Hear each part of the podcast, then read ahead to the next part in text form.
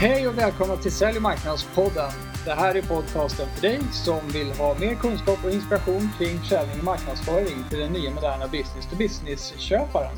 Ja, och det här är eh, nyårsavsnittet. Nyår 2015. Ja, det sista skälvande lilla avsnittet av Sälj och marknadspodden. Ja, time flies. Och eh, det är Lasse och Anders vid mikrofonen som vanligt. Precis, och vi ska ju försöka prata då om det året som har varit. Eh, vi tänkte ta upp ett antal spännande intressanta avsnitt och eh, även reflektera lite grann över det vi ser i kristallkulan för 2016. Ja, just det. Vill du börja Lasse med några avsnitt från dig eller? Ja, vi kan väl köra igång helt enkelt. Jag, jag måste säga det att eh, jag fick ju äran att spela in ett avsnitt med eh, Robert Rose Ja. eh, som har författat boken eh, The Seventh Era of Marketing. Och det var ju intressant i sig att vi befinner oss i The Seventh Era of Marketing. Mm. Och jag eh, följer Robert Rose och har haft eh, kontakt med honom eh, under ett antal år och han är en fantastiskt spännande person och har bidragit otroligt mycket kring content marketing. Den här boken känner jag är en extremt bra sammanfattning över ja, den resa vi har kört igenom här lite grann och där vi befinner oss och även målar upp liksom bilden av lite grann var vi kommer landa när det gäller modern marknadsföring. Ja. Ja, spännande. Vad var det som stack ut där då? Ja, jag tycker att eh, för det första så pratar ju han otroligt mycket om att eh, alltså självklart är ju allting digitalt men, men att, att eh, det vi gör som marknadsförare måste vara så bra så att eh, det upplevs som en, alltså upplevs som en upplevelse. Okej. Som en experience Ja, utav den som konsumerar det.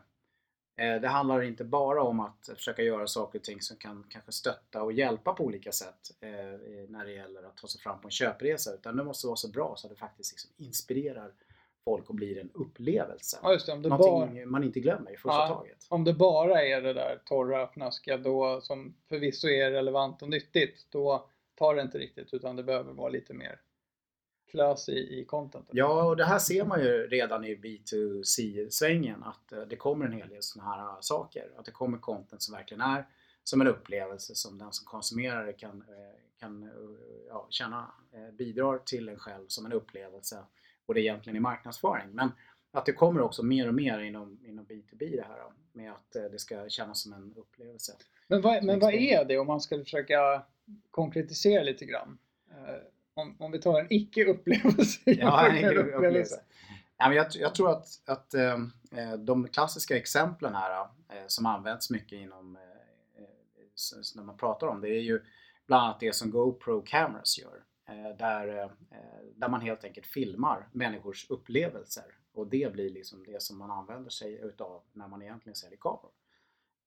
Och där även då Red Bull gör en massa fantastisk marknadsföring som, eh, som består egentligen av olika typer utav ja, spännande, häftiga upplevelser som man får ta del utav. Eh, där det ju i grunden handlar om att sälja, sälja läsk. Mhm. Och, och på business to business-sidan, Ja, har där- vi några bra exempel? Ja, det finns inte så jättemycket bra e- exempel ännu men, men man kan ju lätt tänka sig att, att man gör saker och skapar saker som, som till exempel eh, att nyttja virtual reality. Eh, Där jag själv var med och gjorde ett avsnitt eh, med ett, företag som pysslar mycket med sånt. Det blir som extremt mycket mer tillgängligt nu den här VR-tekniken. Mm. Eh, Där man helt enkelt kan skapa marknadsföring där man får uppleva kanske hur det är att köra en truck innan man har köpt den. Där man kanske får uppleva hur det är att, att befinna sig i ett hus som man kanske ska köpa. Kanske en kontorslokal som inte finns byggd ännu och så vidare. Och så vidare. Okej. Där man kan använda VR-teknik för att liksom, ja, skapa upplevelser som är marknadsföring. enkelt. Skulle du säga att eh, en videofilm om samma ämne som ett white paper eh, hanterar, är det en upplevelse där man får se en människa av kött och blod som pratar om ett ämne snarare än att man läser det bara svart på vitt? Ja, skulle man också kunna klassa in i det här. Då. Ja. Eh, Faktiskt. Ja. Att, eh, eller ett frukostseminarium där man står och inspirerar och lär ut någonting till folk istället Ja. för att man bara, det handlar om fakta på ett bra begripligt sätt som tillför ett värde. Mm. Att det även eh, har någon dimension som gör att eh, det blir lite mer oförglömligt och att Ja, man känner det som att man får uppleva en upplevelse istället för bara vara liksom, där och lyssna liksom, i en tråkig Att man får powerpoints i huvudet snarare. Ja. Ja, just det. det regnar Ja. powerpoints. Ja, ja, okej. Ja, men det är Ja, men bra. är. Ja. Men, men sen är det ju då, tycker jag, den stora grejen det är ju att, i den här boken, det är ju att marknadsföringen eh, det är marknadsföringen som kommer vara den stora grejen som differentierar företag i framtiden. Det kommer vara marknadsföringen som, som blir avgörande för företags framgång överlag. Mm. Eh, Det kommer inte att gå att konkurrera med produkter längre utan man måste liksom göra marknadsföring som är mycket, mycket bättre eh, och mycket mer relevant eh, än vad konkurrenterna gör. Det är det som kommer att avgöra att det är själva marknadsföringen som, som kommer att se till att företagen blir framgångsrika. Det är där man måste lägga krutet. Det är marknadsförarna som måste leda väldigt mycket utvecklingen Mm. eh, för företagen framgent. Det är, det. det är där boken landar också. Och, sen, och sen att stommen är digital marknadsföring. Ja, självklart. Mm. Ja, Nej, så Ja. det var härligt. Det var Så det- det var bra. Ja. jag tror du har gett honom mycket nya idéer också. Ja, jag hoppas det. Har du själv då? Nu kommer boken The Eighth Era of Marketing Ja, precis. featuring Lars Dahlberg. ja, vi får jobba på det. Ja, nej, men jag, jag tänkte på det när vi satt och pratade om vilka, vilka poddar som, som jag tycker har varit roliga. Jag måste säga att alla gäster som vi har haft, bara tack så jättemycket för att ni lägger ner tid på att vara med i våran podd om ni lyssnar någon av er. Det är, det är fantastiskt härligt att, att få ha er alla med i podden Ja, naturligtvis. verkligen. Ja. verkligen. Och tack till alla er som lyssnar också förresten för att ni lägger er tid och möda på det. Det Det, det blir bara fler och fler också. Ja. Det är. Det finns roligare saker att göra än kanske, men, eh, men det är kul. Jo, eh, en podd som eh, jag spelade in, det var ju med Ari Rebacke Mm. om det här med hur man fattar beslut. Mm. Och det var ju mer på nästan biologisk nivå vi Mm. pratade. Han har ju sin beslutspyramid med en massa olika, olika nivåer och sådär. Mm. Men jag tycker när jag pratade med Ari så det jag tog med mig från den podden det var ju att eh, vi är ja, vi är ju levande organismer Mm. som fattar beslut utifrån väldigt basic eh, kriterier egentligen. Det är väldigt biologiskt alltihop.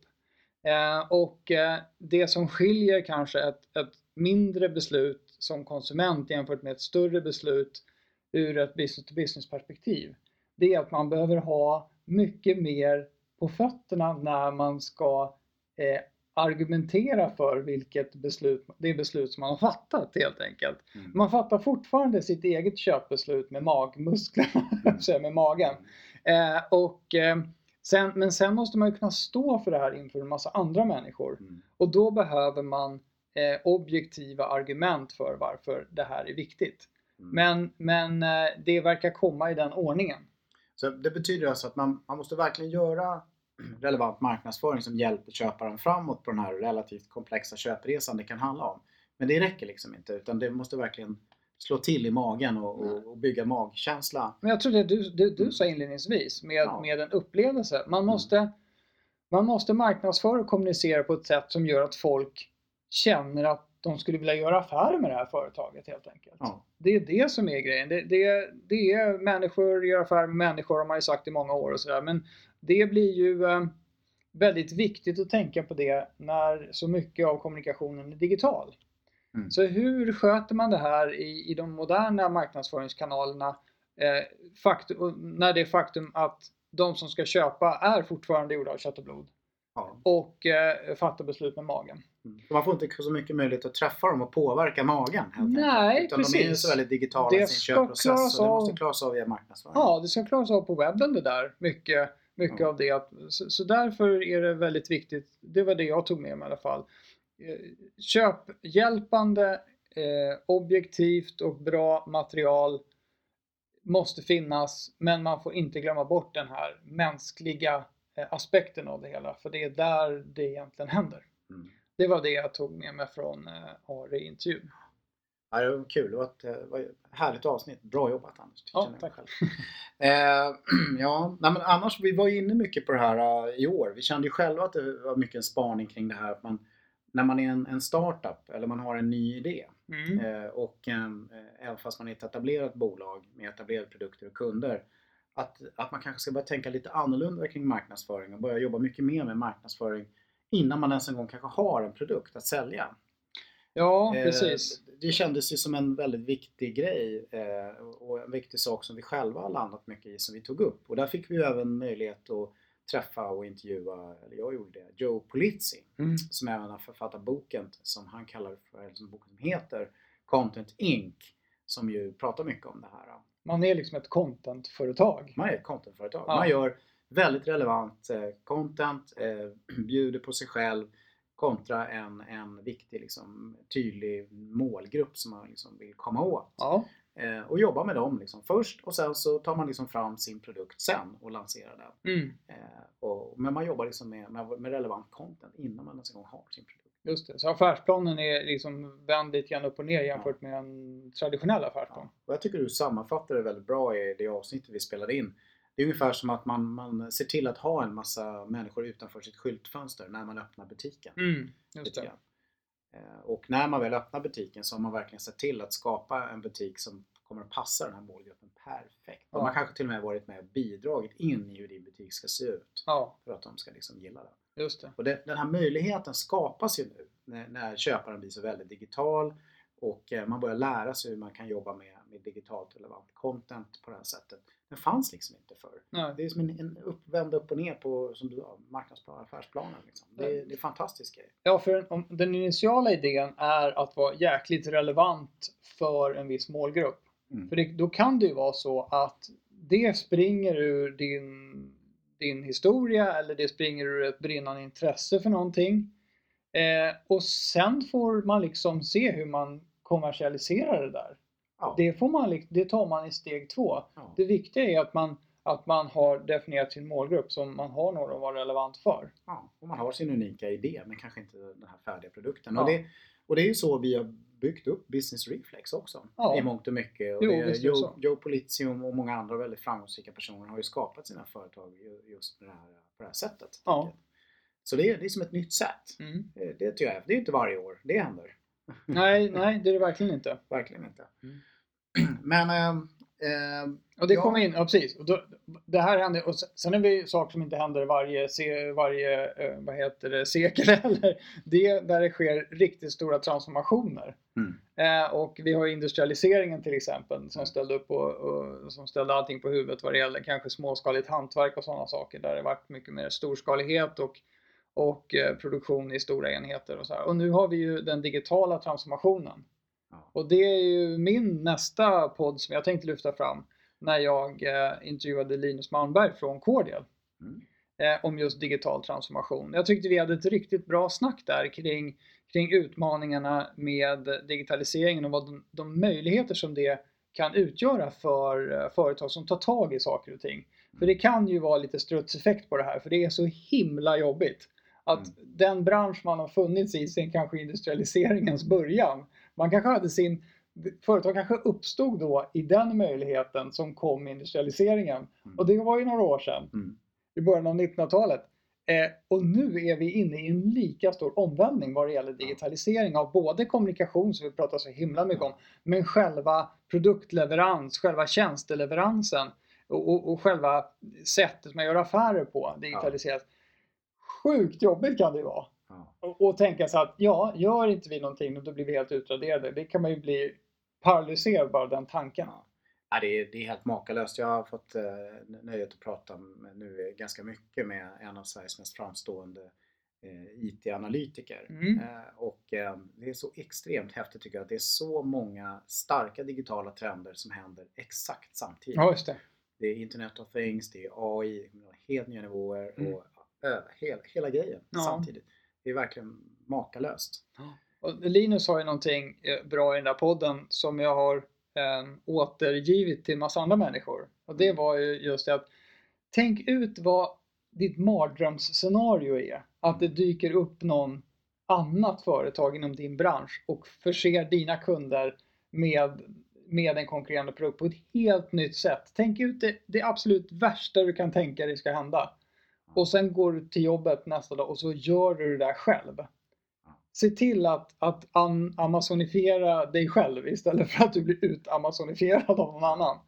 Så den, det har jag sagt till andra människor också. Jag tycker det är väldigt klokt Och, och sagt. kopplat till det där Anders så är det ju så att eh, vi har ju haft det liksom, på nyheterna mer eller mindre i Sverige i år att, att vi är liksom den, den näst mest populära liksom, landet för den här typen av startups som pysslar med den här moderna digitala tekniken på olika sätt eh, här i vårt avlånga land. Det är ju helt makalöst också. Ja, att det- är många, många högt värderade startupföretag. Ja, Ja.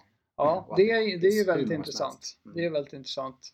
kombinerat med att vi har ju eh, traditionellt sett också framgångsrika industriföretag som behöver transformera sig Mm. Helt och hållet. Som Anders Borg sa, digitalisera eller dö. Därför skutta bara in lite nu på Ja. nästa år så ska vi faktiskt vara och prata inför ett gäng av de här eh, i början på januari redan. Eller? Ja, just det, Det precis. ska bli spännande. Ja, det blir Det vi roligt. fram Vi emot ska mycket. vara på SUP för Tex. Sub 46, där håller de till. En Mm. hel del av dem i alla Ja, fall. några av dem i alla fall. Ja. Men du, ehm, eh, faktiskt må man väl säga så här att, eh, eh, att det här med, med poddarna, är, podcasten är ju fantastiskt eh, roligt. Vi, vi gör ju våra frukostar också, säljer marknadsfrukostar. Mm. Där var det ju ett eh, tema tycker jag eh, som var, kanske stack ut lite extra i Mm. år. Eh, och det var ju det här med LinkedIn och marknadsföring på LinkedIn. Ja, det är väl, vi, har ju, vi har försökt visa två aspekter av det här. Dels Mm. var det för marknadsförarna vilket, vilka möjligheter det innebär och sen för sälj också när vi har pratat Mm. om social selling. Mm. Och båda de där grejerna har varit populära. Ja, och jag tror till och med att årets populäraste poddavsnitt eh, just handlade om det här med, eh, med marknadsföring på LinkedIn och hur effektivt det är och ja, vad man kan förvänta sig utav det. Ja, och sen hade vi ju en hundra pers lite knappt på webbseminarium om det där också. Ja, det hade vi. Kör webinar om det där. Och, eh, och frukostarna var mer än fullsatta Ja, kring det här temat. Ja. Det, det, det var, var väldigt roligt. hett. Hett ämne Mm. faktiskt under året.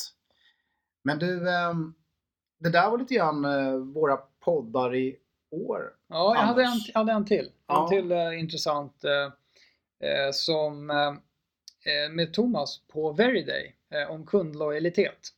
Just Den det, tyckte jag också det. var riktigt bra. Ja, norr, ja, norr. Ja, Ja, kanske. Jag tänkte inte Ja. på dialekten. Men, men ja, de- den tyckte jag var, var riktigt bra. Just att, att tänka på, på hela sin tjänstedesign och hela, eh, hela upplevelsen för kunden utifrån ett kundlojalitetsperspektiv. Att man, att man får lojala kunder. Jag, jag tycker det var, det var en bra, intressant diskussion. Så det får ni gå tillbaka och lyssna på, tycker jag. Eh, vi har ju haft eh, två personer från Veriday i podden och jag tycker hela det Veriday är ju ett väldigt framgångsrikt designföretag.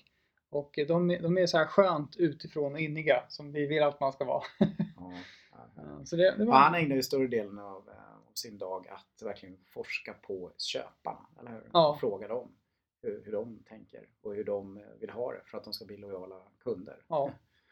Eh, ja, eh, det är fantastiskt. Och Ja, det var att bra. verkligen styr produktutveckling och allting vi gör. ja, eh, ska man ta någon annan bara trendspaning förutom eh, det här med LinkedIn som vi var inne på alldeles nyss? Mm. Så har, ju, har vi ju gått och fastnat en hel del för det här med livestreaming, eller hur Anders? Ja, det, det har ju dykt upp väldigt snabbt. Det kom ju ett par olika appar eller tjänster samtidigt för, för livestreaming. Och eh, det gjorde att det, var ju, det har ju blivit väldigt populärt. Och de har lite olika stuk de här. Mm. Periscope till exempel, där kan det vara, vet att några ungar bara är hemma en lördagkväll och så direkt sänder de det och så får man chatta med dem. Så det är kanske lite som Facebook mer. Mm. Eh, och, eh, men sen, sen har du ju Blab till exempel där som är mer, det finns en, både bra och underliga typer där, men eh, kanske lite mindre, lite mindre, färre ungdomar som är på Blab kanske och mer, mer folk som eh, vill dela med sig av sin kunskap och diskutera olika saker och sådär. Så Mm. att det, det tror jag kommer bli mer mainstream under eh, 2016. Mm. Att, att live, eh, live är verkligen en tydlig trend.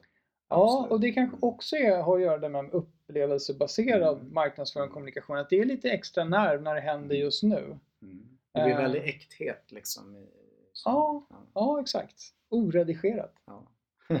Som våra poddar. Ja, och med hyfsat oredigerad i alla fall. Vi tar väl bort lite avsnitt där vi, där vi trampar lite vatten kanske för att slippa att folk ska slippa det allra värsta. Men du, eh, det finns ju andra, om vi ska prata lite framåt i tiden då. eh, Så har ju du och jag våra tankar och idéer lite grann om, om vad som ska komma skall eh, när det gäller eh, framtiden här. Men eh, vi har ju eh, Content Marketing Institute då, som ju Joe Polizzi och Robert Rose ligger bakom väldigt mycket. De gör ju faktiskt en riktigt seriös rapport varje år. Där de pratar om trenderna. Nu, nu är ju det här väldigt amerikansk fokuserat, den här trendrapporten. Men ändå, vad är det som ska komma? Och då fokuserar ju det naturligtvis kring just det här med, med content marketing och den, den eh, digitala marknadsföringen. Ja, Ehm, men, eh, men den har de gjort nu ett antal år. Och det är ganska intressant när man kan jobba på med en sån här undersökning år efter år. Man, när man kan se trender och, och man kan se liksom lite hur saker och ting utvecklar sig.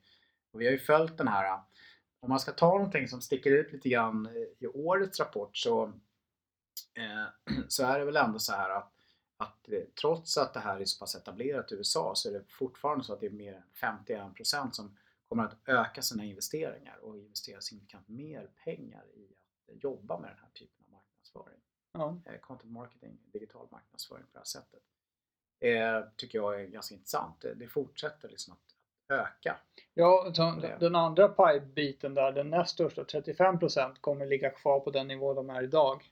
Så de mm. två, 51 plus 35% är ju hooked på något ja, sätt på den här strategin. Ja. Så det är ju eh, det är en jättestor del av ja, totalen. Det är verkligen väl etablerat. Mm. Sen finns det ju eh, en annan statistik som kretsar kring samma tema eh, och det är ju att det, det, men det är hela 76% som planerar att, att göra mer. Alltså mer content. Mm. Göra mer liksom, digital marknadsföring på det här sättet. Uh, investeringarna måste öka, kanske man ska kunna göra mer. Men att det är väldigt, väldigt många som planerar att göra mer. Där kan man ju alltid diskutera om liksom mer är bättre. Eh, eller om man verkligen ska snarare fokusera på att göra saker som är väldigt bra, väldigt relevanta och, och kanske göra mindre grejer. Man kan ju hoppas, det... att, man kan hoppas att det inte automatiskt blir sämre bara för att de gör mer. Men, det är, men det är intressant att just man har kommit igång bra under, eh, under 2015 och nu säger man att 76% eh, av alla säger att de kommer göra, göra mer än under 2015. Alltså mer content. Det är ju eh, det, trenden är tydlig kan man säga. Vi har inte alls kommit så här långt i Sverige, framförallt inte inom business to business-världen. Eh, men eh, den amerikanska trenden är tydlig att eh, hela utvecklingen kring det här fortsätter. Mm. En annan grej som jag tyckte var riktigt kul då, då apropå digitalt, är att den mest effektiva så att säga, formen av content mm. faktiskt inte är digital. Mm. Utan den är faktiskt in-person events. Mm. Eh, alltså ja, den här typen av liksom, frukostseminarier, events på olika sätt men där man då naturligtvis inte står och pratar om sig själv utan där man står liksom och, och lär ut och inspirerar andra kring olika, ja, på olika sätt liksom, inom ja. olika branscher, inom olika teman för olika typer av liksom, köpare. Det har verkligen gått och blivit liksom, topp. Eh, det man verkligen eh, gör väldigt eh, mycket och, och att det faktiskt fungerar väldigt, väldigt bra om man gör det rätt. Ja, är, om man kollar på den här grafen så är det så att 75% säger att de uppfattar in-person event som effektiva. Men det är fortfarande, alltså det är ju det lägsta av alla, vad det nu är för någonting, är 58% av dem, det är 10 olika grejer.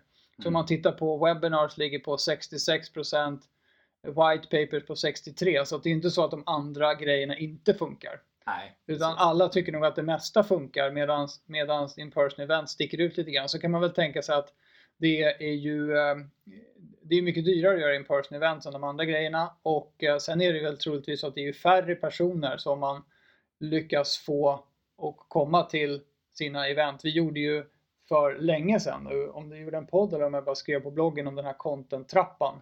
Mm. Där man pratar om hur mycket engagemang man kräver av den som ska tillgodogöra sig det content som du serverar. Och eh, det enklaste är väl att man drar ett e-mail till någon och säger bara hej, här har tre tips, lycka till. Det är ju det minsta engagemanget. Eh, upp till då att man ska komma, komma på en workshop eller någonting där man ska vara där, man ska engagera, man ska bidra. Eh, och på, näst överst på den här trappan är ju kom till vårt frukostseminarium på fredag, då, mm. kör vi. då kör vi. Kom till oss, vi kommer inte till dig. Eh, så, så, det är ju, och det kommer ju vara färre människor som är beredda att investera den typen av tid och engagemang i, i den typen av content. Men jag tror som vanligt inom marknadsföring så är det alltid den optimala mixen, det är den man är ute mm. efter. Nej, och sen är det väl också så här att man kan inte ge sig på in-person events rätt upp och ner utan det måste underbyggas med mycket olika typer av relevant digitalt content innan så att säga det, det blir aktuellt att investera så mycket som det faktiskt innebär att komma på ett in-person event. Ja, precis. Eh, men om man ska komma in lite mer på det här med trenderna framgent. Vi var inne på det här med, med livestreaming tidigare, att vi ser det som en tydlig trend, att det kommer att utveckla sig.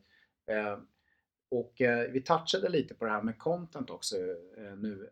Det här mängd content. Är det mm. mycket content eller är det kvalitet som gäller? Och det har vi pratat lite om i ett tidigare avsnitt att, att ehm, det helt klart kommer att börja ställas högre krav på att eh, man verkligen klarar av att göra content som verkligen kan både inspirera rätt typ av köpare men även så att säga, kommersiellt bevisa att det är värt att tänka nytt, att göra någonting nytt, göra något annorlunda. Mm.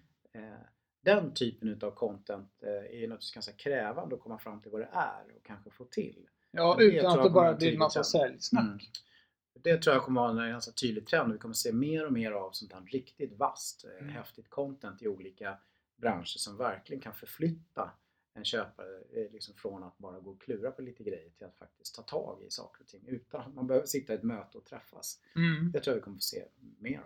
Ja, just det. För jag kan tänka mig att när man tänker på content på det sättet så tror jag många kommer gå i fällan där och Mm. göra USP-content. Mm. Alltså köp våran pryl så kommer det bli, bli snyggare och, och lyckligare. ja. Det är inte den typen av argumentation man, man är ute efter. Eh, utan det, det blir en annan typ av, av eh, content där man kanske mer på en konceptuell nivå Mm. pratar om den, den stora liksom affärskalkylen för att göra sådana här saker. Mm. Och det är lite grann det vi har varit inne på förut. Någonstans i mitten av köpprocessen så behöver man ju väldigt tydliga argument för varför man ska investera vidare i den här köpprocessen och, och till slut göra ett val av en, av en leverantör. Då. Mm. Eh, sen tror jag att eh, det är ju eh, fortfarande så att det är en hel del branscher som ligger före andra branscher. Mycket kring det här med IT och teknikbranscher där man har börjat jobba med den här typen av eh, marknadsföring. Men jag tror vi kommer att se det väldigt brett i alla olika typer av branscher eh, under eh, nästa år eh, inom B2B. Ja, jag tror att det, det är ju, utmaningen är olika för olika branscher. De här, Mm. de här tech-startup och så, de är ju digitala från början många av dem. Mm. Så de skulle aldrig komma på tanken att göra något annat kanske än, än digital marknadsföring. Men däremot märker man att många av dem har ju en traditionell syn på hur de ska utveckla sina bolag och en traditionell syn på försäljning i alla fall. Mm. Så att eh, marknadsföringsdelen är nog hyfsat digital, bara att de glömmer bort den i början för de är så fokuserade på sin egen produkt. Eh, och sen har du säljet, det är synnerligen eh, traditionellt i alla fall. Nu ska vi växa lite grann, ja men då anställer vi en säljare och så tar vi in gula sidorna. Ja, sen, vi hade ju eh, ett julavsnitt här också rätt nyligen eh, där du tog upp en trend som jag också tror väldigt mycket på Anders, det här med att sälj och marknad verkligen kommer att behöva stöpa om sig. Eh, Och framförallt sälj. Att, eh, Ja, absolut. Jag, jag tror att marknadssidan har kommit en bra bit på väg eh, i många företag i alla fall och det finns, en, det finns en stor acceptans för att man behöver göra saker på digitalt sätt. Men, men eh, det är ganska få som har tagit konsekvenserna på säljsidan och det, det jag tror i alla fall, jag hoppas att, att 2016 kommer att vara kommer att vara ett eh, år då vi ser en hel del förändring på säljsidan. Men eh, i ärlighetens namn ska jag säga att vi som då är någon form av, eh, av eh, påskyndare av den här förändringen. Vi behöver ju jobba på att bli lika konkreta med vad sälj ska göra som vi har varit på marknadssidan. Så där Absolut. är vi ett jobb att göra också. ja, det vi oss liksom. Ja, vi har pratat en hel del om de här fantastiska teknikföretagen och att Sverige är ett väldigt framgångsrikt land när det gäller den här typen av, av startups. Och unicorns, har? Ja, precis. Men, ehm, men de har ju en eh, marknadsutmaning. Framförallt tror jag de svenska eftersom det inte alltid har legat, eh, legat svenska teknikföretag så varmt om hjärtat att fokusera på marknadsföring. Nej. Så att eh, hur ska de tackla den? tror jag kommer bli väldigt spännande att följa under året.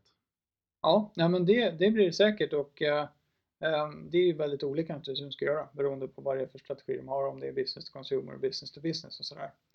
Men eh, jag tror också det att det kommer att bli det kommer bli aktuellt fortare och fortare hur man ska ta sig ut på marknaden såklart. Ja, och några andra spännande grejer för nya året Anders. Vi ska ju faktiskt flytta. Det är nog den Ja. mest signifikanta händelsen Ja. under 2016. Boom! Business Reflex flyttar. ja, exakt. Det blir, det blir eh, första sidan stopp i alla, alla tidningar i branschen. Men vi kommer vara Gamla stan trogna. Så Ja. studion kommer ligga kvar. Ja, Den kommer bli lite upphottad, studion. Vi kommer få ett studierum eh, som kommer att stå redo att ta emot eh, både för filmning och eh, podcastinspelning. Det blir häftigt så man slipper hålla på och rigga varenda gång man ska göra någonting. Ja, som vi Det blir grymt. nuvarande studio. Ja, ja det blir grymt. Så vi flyttar upp, nära upp på Västerlånggatan faktiskt. Ja. Ja, utsikt över riksdagshuset som sig bör. Och jag tror statusen på slottet höjs lite grann också nu när vi kommer nära. ja, ja. Måste man väl säga i ödmjukhetens namn. ja, vad bra.